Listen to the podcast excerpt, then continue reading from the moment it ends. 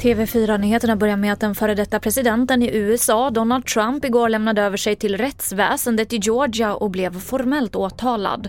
Bland annat för valpåverkan, ett brott han nekar till. Och han släpptes senare efter att ha betalat borgen på motsvarande 2,2 miljoner kronor. Vi hör vår USA-korrespondent Thomas Kvarnkullen.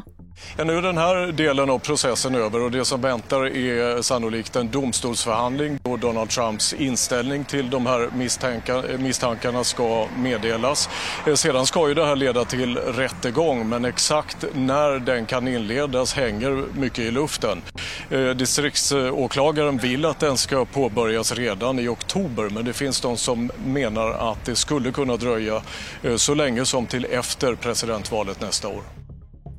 I Södertälje inträffade en explosion på en adress i natt enligt polisen. De boende i huset var hemma men ingen ska ha skadats fysiskt. Ett område är avspärrat i väntan på tekniker och nationella bombskyddet. Ingen är ännu frihetsberövad och händelsen rubriceras som allmänfarlig ödeläggelse.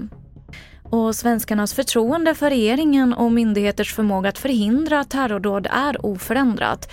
Det här visar färska opinionssiffror som tagits fram för oss på TV4 Nyheterna.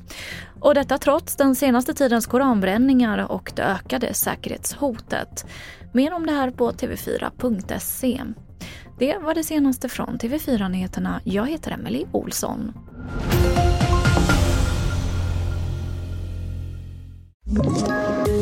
Poddtips från Podplay. I podden Något Kaiko garanterar östgötarna Brutti och jag, Davva, dig en stor dos skratt. Där följer jag pladask för köttätandet igen. Man är lite som en jävla vampyr. Man har fått lite blodsmak och då måste man ha mer.